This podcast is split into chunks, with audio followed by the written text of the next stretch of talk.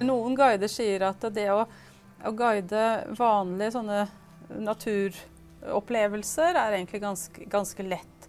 Uh, mens, mens, nordlys er noe spesielt. Fordi at uh, du, kan ikke, du kan ikke love at du får det du har betalt for. Nordlyset som sådan er jo et uforutsigbart fenomen. Vi vet at det er der, men vi vet ikke om vi kommer til å se det. Uh, og så må man jo da selge inn denne ideen da, om at du skal betale for noe, men jeg vet ikke om jeg kan gi deg det. Eh, og, og, og, hva, og, hva, gjør man da? Bente Heimtun er professor ved UiT, Norges arktiske universitet, og forsker ved Institutt for turisme og nordlige studier. Hennes prosjekter dreier seg om sosiologi i turismen, kjønn, makt og kryssende sosiale identiteter.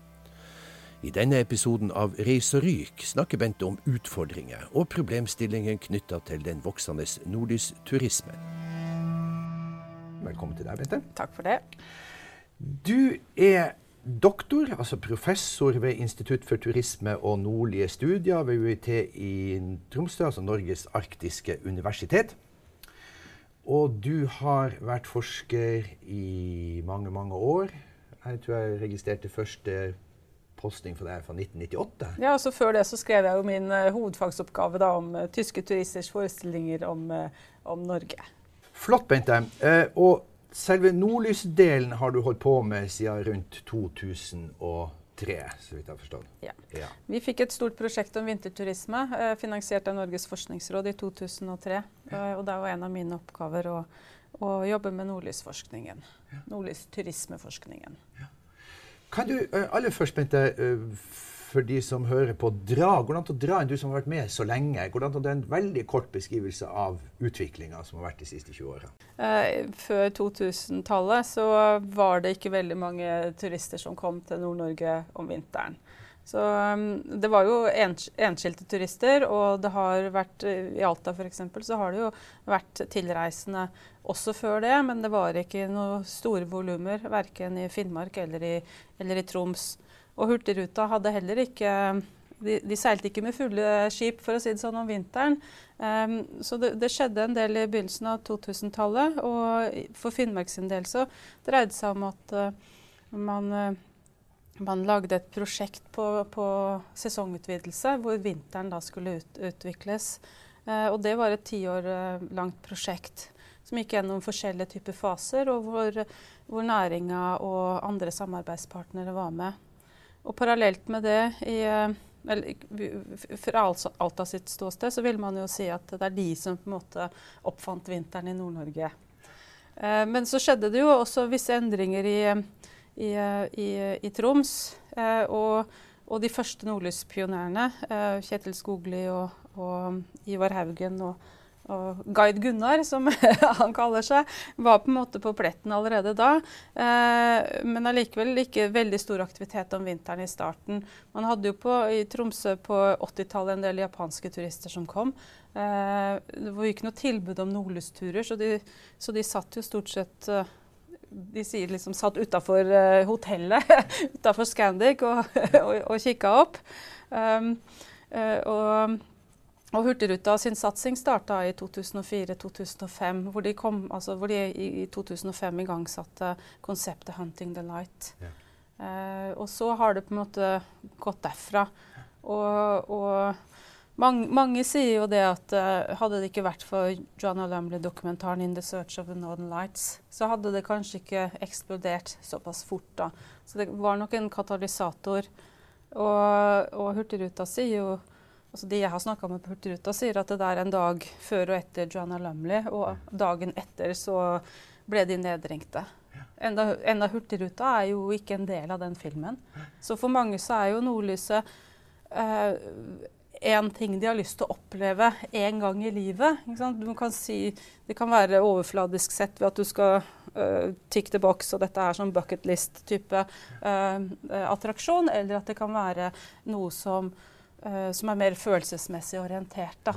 Uh, så, sånn at det er nok flere, flere ting på en gang. Og så hadde jo da næringa, spesielt i, i, Alta, så hadde man jo så hadde man forberedt seg. Man hadde jo i flere år jobba aktivt på produktsida. Fordi når turistene kommer, så må man må være villig til å ta en sjanse, da, for man vet jo ikke om de kommer. Og så må gi det et tilbud. Så i Alta in introduserte man relativt tidlig det at man skulle ha garantert Det skjer. Kommer det én eller to, så får du en tur. Uh, og du tjener ikke penger. Kommer det ti, så tjener du penger. Men, men, hvis det er sånn at ja, ja, hvis det kommer ti, og får de en tur, så er det noe annet. ikke sant? Så du må ha en forutsigbarhet på produktsida. Og så må du selvfølgelig ha jobba litt med produktene. Uh, så, sånn at det er en profesjonalisering uh, som, som, skjedde parallelt med dette her, sånn at man på et eller annet tidspunkt da også er klar til å ta imot gjestene når de kommer. Men så kan man jo si at uh, i, i, den Lømli-dokumentaren så, så, befinner man seg jo ja, dels i Lofoten, og man er i uh, Tromsø-regionen, og man er uh, i, i, Alta, uh, i Karasjok, uh, og man er på Svalbard. Det er liksom de hoved, hovedstedene som besøkes. da. Og, og, og det er Tromsø som som er vinneren. På godt og vondt i denne utviklingen. Da, I forhold til besøkstallene og i forhold til utviklingen av, av uh, antall eh, Nordlys-operatører, eh, Nordlys-produkter. Det finnes jo et vell av produkt Altså produktspekteret er jo veldig, veldig stort. I Alta så er man fremdeles på at det er få operatører og, og få produkter å velge mellom. Selv om det har utvikla seg, det også. Så der vi kan si at i, i, i, Finnmark så var det på en måte en organisert et, Altså et bevisst ønske og en strategi om en vekst som dessverre ikke ble så stor, men det var jo selvfølgelig også vekst i, i Alta og i Finnmark. Mens i Tromsø så kom det unnafra. Og, og, så tar man tak i det. Og, og, og dette har du Bente, forska litt på. Eh, og det vet du har tatt for deg spesielt dette med med, med nordlysturer og, mm. og, og guidinger. Mm. Altså Perspektivet på det her er, er jo også litt at, at, her har det vokst så fort. Uh, mange stuper inn i denne bransjen. Du nevnte noen av pionerene her tidligere som har bygd seg opp en kunnskap og en erfaring og en know-how. Og, og, og, ikke for å gjøre, gjøre, dem til noe spesielt, men de har nå drevet i hvert fall i denne bransjen. Nå etter den store veksten så har det kommet inn masse operatører. Mm. Uh, sannsynligvis på litt forskjellig nivå og forskjellig måte å, å drive dette på. Noen seriøst, noen veldig ordentlig. Andre litt mer skal uh, på å si, uh, spinne fløt, skumme fløten av, av ja. dette her og ja. hente inn noe, noe det, det, er også, det, er jo, altså, det er jo litt sånn ryk, rykter på byen også. For man kan, jo, man kan jo håpe at, at det er seriøsitet blant alle bedriftene, alle som setter i gang. Eh, så, men, men, det er en utfordring når, eh, når reiselivet er jo lite sertifisert. da. Sånn at det er Kontrollmekanismene er jo ikke til stede. Så utgangspunktet skal hvem som helst som har en passelig bil, eh, lage et, set, et selskap. Og, og, og, et sted hvor, hvor, eh, hvor, det kommer mye turister, så er det kanskje eh, det, er, det, er, lett inngang. Det koster jo ikke så forferdelig mye å, å sette i gang. Uh, og, og, turistene står og banker på døra. Så det er klart det er større sjanse i, i, på destinasjoner som har mange turister, til å få også useriøse aktører, eh, enn på et lite sted hvor, hvor, det er litt mer kamp om, uh, om de turistene som kommer. Men, men, selv i Tromsø så snakker man jo om at, at, at man kan si at ja, nå er det sesong i, i, i nordlyssesongen. Eh, sånn at fordi man har hatt en såpass stor etablering av, av antall bedrifter som ligger på rundt mellom 30 og 40, som tilbyr nordlysprodukter eh, en eller annen art, eh, så er det jo ikke nok turister i begynnelsen av sesongen og på slutten av sesongen. Så, det, så det er liksom høysesong. Da kan alle gå rundt på, på, å, tjene penger. Men det er klart, kan, alle kan ikke få det i, i oktober, november eller i, i, i mars-april. Sånn, sånn, sånn, at man får utfordringer også på, på det. Selv om man har mange ja, tilreisende. Og, og, det er vel sånn at bransjen, i hvert fall seriøse aktørene i bransjen ønsker seg noe sånn slags sertifisering eller en annen måte å justere og regulere. I hvert fall sånn å benchmarke sin, egne mm Eh, sin egen innsats og sin egen eh, måte å gjøre dette på, og, mm. også for å kunne forbedre og utvikle produktene. Så, så, og det er jo en bra ting. Ja, og så har det jo vært mye kursing av nordlysguider opp igjennom. Da, for uh, Arena-prosjektet Lønnsomme vinteropplevelser har jo hatt uh, kursing i, i, sitt kjerneområde, da, som er primært Troms, men også nå Finnmark. Sånn det, så det er jo et ønske om at alle guidene skal gå gjennom en, en opplæring. Ja. Og, og, da er vi inne på, på, på det som du har forska på i det siste. Det er jo akkurat dette her med, med, med, med guiding og, av nordlysturister. Og, og hva, hva, innebærer dette? Det høres veldig enkelt ut. Guiding, ja, ja, men du tar med deg en turist, du er hyggelig og grei, du har en bil, du serverer kaffe, eh, litt kjeks, og forhåpentligvis får du se nordlys. Hvis ja. ikke Shit happens, tilbake ja. igjen. Men det er noe mer i det enn det? Ja, sånn, jeg vil jo bare si at det var jo Jeg summerte det opp ganske godt, altså. Det var ikke så galt. Men, men, men, men jeg tenker jo, eller basert på eh, intervjuer da, som jeg har gjort med disse guidene og, og vært på turer sjøl, eh, så, så, er Eller noen guider sier at det å, å guide vanlige sånne naturopplevelser er egentlig ganske, ganske lett. Uh, mens, mens, nordlys er noe spesielt.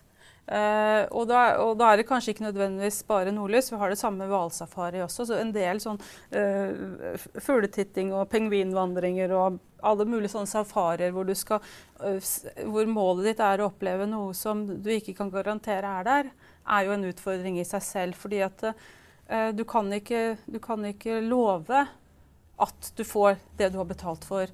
Og disse nordlysturene de, de, varierer jo i, i pris, eh, men de kan jo gå opp til kanskje 2000 kroner. Eh, og, og hvor er du da villig til å betale 2000 for å, for å oppleve noe som du ikke egentlig vet om du kommer til å oppleve. Så det er jo en utfordring.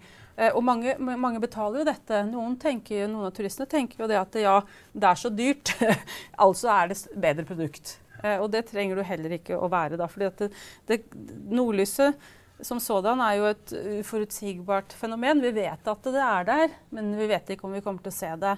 Uh, og så må man jo da selge inn denne ideen da, om at du skal betale for noe, men jeg vet ikke om jeg kan gi deg det. Uh, og, og, og, hva, og, hva, gjør man da? Så det er klart eh, en, en, utfordring med at du kan ha no-show. Og, og, denne guiden, da, og det å servere kaffe og noe å drikke, det kan være en veldig god strategi. Snakke med folk. Uh, informere de, ha kunnskap om uh, nordlys, uh, myten om nordlyset og, og det naturvitenskapelige ved nordlyset. At du, kan, at du, kan, formidle det på en kompetent måte. Så det, det er på en måte eller hva skal jeg si, at Spesielt den, den naturvitenskapelige forståelsen av nordlyset er relativt kompleks. Uh, og, og hvordan, kan man, hvordan, kan man, fremstille det på en måte at, uh, at folk forstår det? Og, man, og, og for, å, for, å, skulle si noe veldig enkelt, eh, som er så komplisert, så må man faktisk kunne noe om det. Sånn at det, Forenklingsbiten kommer på en måte etter mye kunnskap. Det er veldig vanskelig å forenkle noe du ikke kan noe særlig om. fordi du forstår det ikke. Så det er jo gjennom den forståelsen, da. og det er jo et trekk altså, når vi, når, vi har, når vi, har, vært på disse turene, så, så, er det jo eh, flere anledninger hvor nordlyset er underkommunisert. Altså det snakkes ikke om. Eh, og, og, kan jo anta at det er fordi at ikke de ikke kan nok om det. Eller at de, eh, som en som vi snakka med, da, som sa det at nei, når vi vet at det ikke er nordlys, så skal vi ikke si så mye om det. For da øker vi på en måte forventningen om at det skal komme kan man jo spørre seg i hvilken grad det er en god strategi eller ikke. Så det er jo et stort, stor variasjon da, i, i, disse, uh, disse, guidenes uh, opptreden, hvis man kan kalle det det, eller hvordan de, hvordan de gjør jobben sin.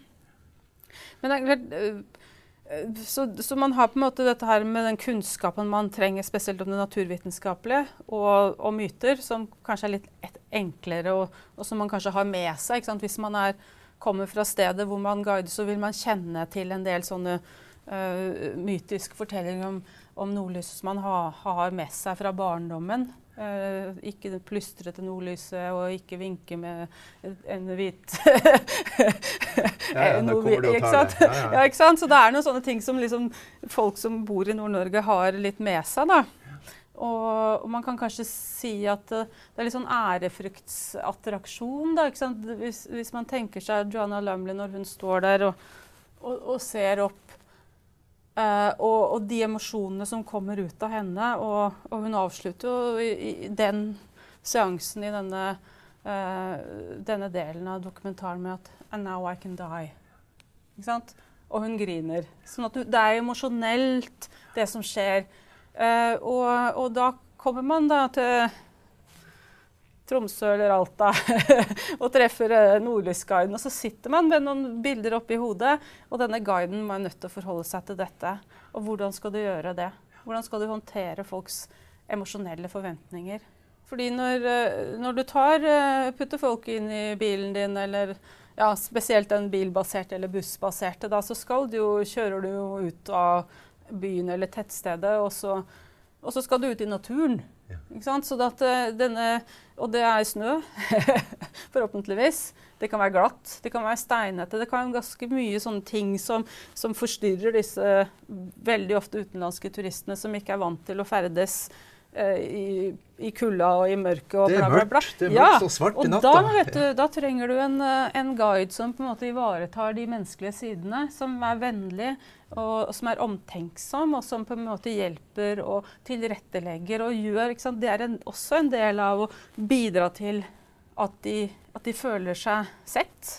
At man har omsorg. Så det, så det, emosjonelle arbeidet det handler ikke bare om de der store følelsene, men det handler om at folk har det bra under hele reisen, og spesielt når de er ute. Eh, la oss si du er kanskje en liten gruppe på fem personer, da, så skal du nå gå inn i skogholtet eller ned til en strand eller et eller annet sånt. ikke sant? Og det kan være glatt, og det kan være ganske mye som skjer. Og da må du, da må du passe på folk. Um, men når det gjelder på en måte de, mer, så er det helt klart en del av det emosjonelle arbeidet. Så det andre er jo det Ja, hvordan skal du møte de da? Uh, når, når, de kommer, og du uh, kommer inn i bussen, ikke sant? ny gruppe. Så man kan nesten kjenne at stemningen liksom ligger litt sånn Det bevrer litt. Folk er ganske forventningsfulle. Hva skal du da gjøre? Skal du bygge de opp? Skal du ta det ned? Skal du ignorere det? Uh, så én sånn strategi som, som, uh, som uh, en, noen av disse guidene bruker, det er at de prøver å ta det ned. Så de sier nei, nei. Nei, dårlige sjanser i dag. nei, vi tror ikke det kommer til å skje. Um, og, og, litt, selvfølgelig litt avhengig av hvordan ser det ut hvis du ser ut, da.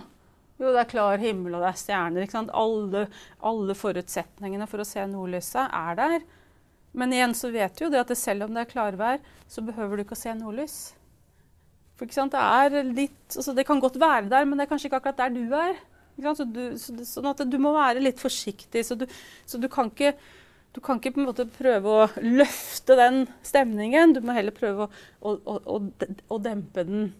Eh, og et eksempel på det er jo da å si at nei, ja, informere turistene om å si at ja, ja, det er sånn og sånn og sånn, men, men eh, det er ikke helt sikkert at jeg er ikke helt sikker på om vi kommer til å se det i dag. Men jeg skal gjøre mitt beste. Ja. Men så er det noe med at hvis du får folk ned i et sånn derre ja, ja, OK, det var de 2000 kronene ut av vinduet, og jeg skal sitte i denne bilen i fire, fem, seks timer, og jeg må på do allerede nå. Så, så, da, så er jo det litt sånn dårlig, dårlig tegn. Da. Så det, sånn at du er jo også nødt til å prøve å bygge folk opp igjen. Eh, så, så, har man jo introdusert den, dette konseptet med nordlysjakt, da. Og det er jo en måte å prøve å engasjere, eller chase, jakt Hunt eller chase er det de bruker på engelsk. da. Sånn at, så, ja, skal, så, sant, må instruere de, og da er det jo spesielt det å se etter stjerner. Da, at jeg skal prøve å få de til å sitte og se ut av bilvinduet og, og kikke opp. Ja, kan man se stjerner? Er det, er det ikke noen skyer her, f.eks., hvis ikke det er så mye stjerner? Så, og da, da, kan du aktivisere folk. Og da på en måte, ja, har du fortalt dem det at klarvær er en veldig, veldig god forutsetning. Igjen, så kan du prøve å løfte de litt igjen, da. Ja. Eh, og så forhåpentligvis så går alt bra. Ja. Og da er jo alle helt fornøyde. Og da kan guiden slappe av. Da har han gjort jobben sin. Men inntil det skjer, så er, må du på en måte forholde deg til disse menneskene. Eh og én ting er jo ikke sant, Du kjører veldig mange forskjellige typer turer. Og når jeg tar utgangspunkt i det jeg sier nå, så mener jeg de som er bilbaserte. Uh, hvor du skal transporteres en, eh, en, en viss strekke. Uh, og kanskje også inn til en camp. da. Så det er, det er, transport. Det er ikke noe hund eller scooter eller et eller annet annet som forstyrrende element eller distraherende element uh, involvert. Så Så, under selve strekningen så, jo, så, kan man jo på en måte informere om nordlyset. Man kan gjøre forskjellige ting som kan, kan vekke igjen da, eh, disse følelsene. Men når man kommer på, kommer på, det stedet, når man har fått disse turistene ned en, en halvbratt bakke ned til en strand, f.eks., eh, og, og det skjer ingenting og så står du der, da. da er det fint med en kopp kaffe, vet du. Eller du kan ha kameraopplæring. Du må gjøre ting, du må engasjere eh, de menneskene som er der. fordi kan, du kan stå der i to timer, og det skjer ingenting. Det er kanskje klarvær, skjer ingen verdens ting. Kan stå der i fem minutter, og bang! Og så etter et minutt så er det borte igjen. Så det er mange mange sånne uforutsigbarheter som gjør at guiden hele tiden må ha en plan A og en plan B, og kanskje til og med en plan C.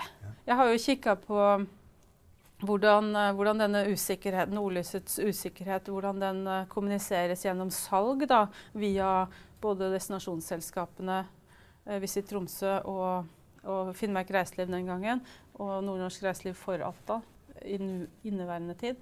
Uh, og de ulike bedriftene. Så jeg ser jo det at de, de prøver også å, å, dempe forventningene der. fordi altså, gjennom å Uh, gjennom å selge Eller jeg vet ikke om de demper forventningene, for de, de, prøver å si noe om hva er forutsetningene for at du skal kunne få se det. Mm. Så dette med uh, location, altså stedet du drar til, og lysforurensning, og, og, dette med vær, og dette med at det er uh, flaks forbundet med dette, det er tydelig skrevet. Men det er klart, ved siden av teksten som gir deg den informasjonen, så har du det flotte bildet.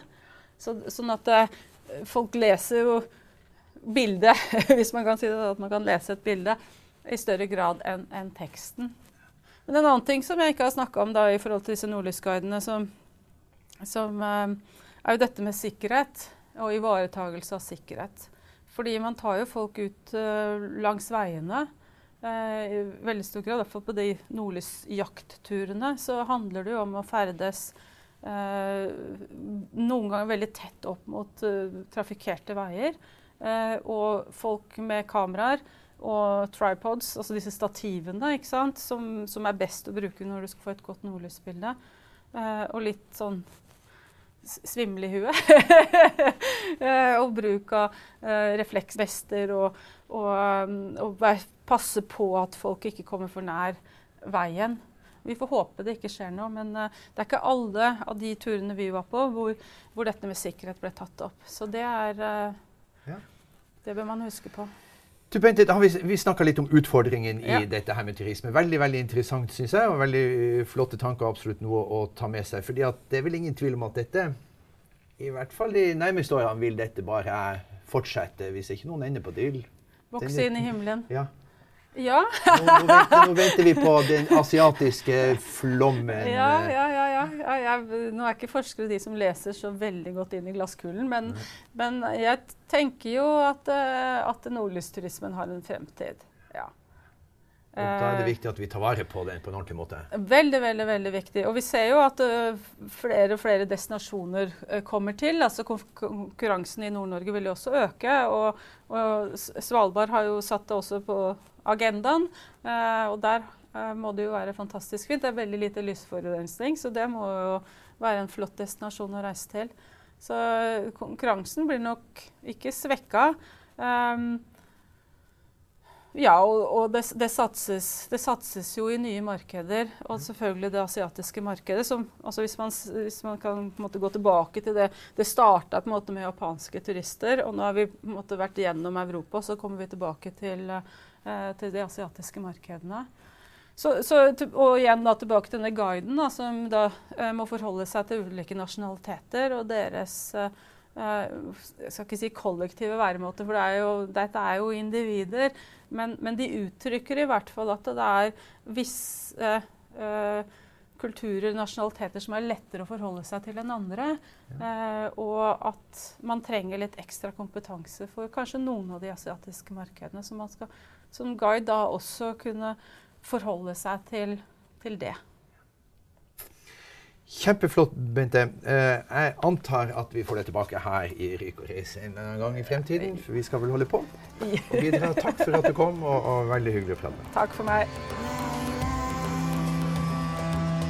Du har hørt podkasten Reis og ryk med professor Bente Heimtun. Reis og Ryg produseres av Prosid Production for reiselivsforskninga på Universitetet i Tromsø, Norges arktiske universitet. Du finner flere episoder i serien på iTunes eller Soundcloud. Vi takker for følget og ønsker på gjenhør. Mitt navn er Espen Holm.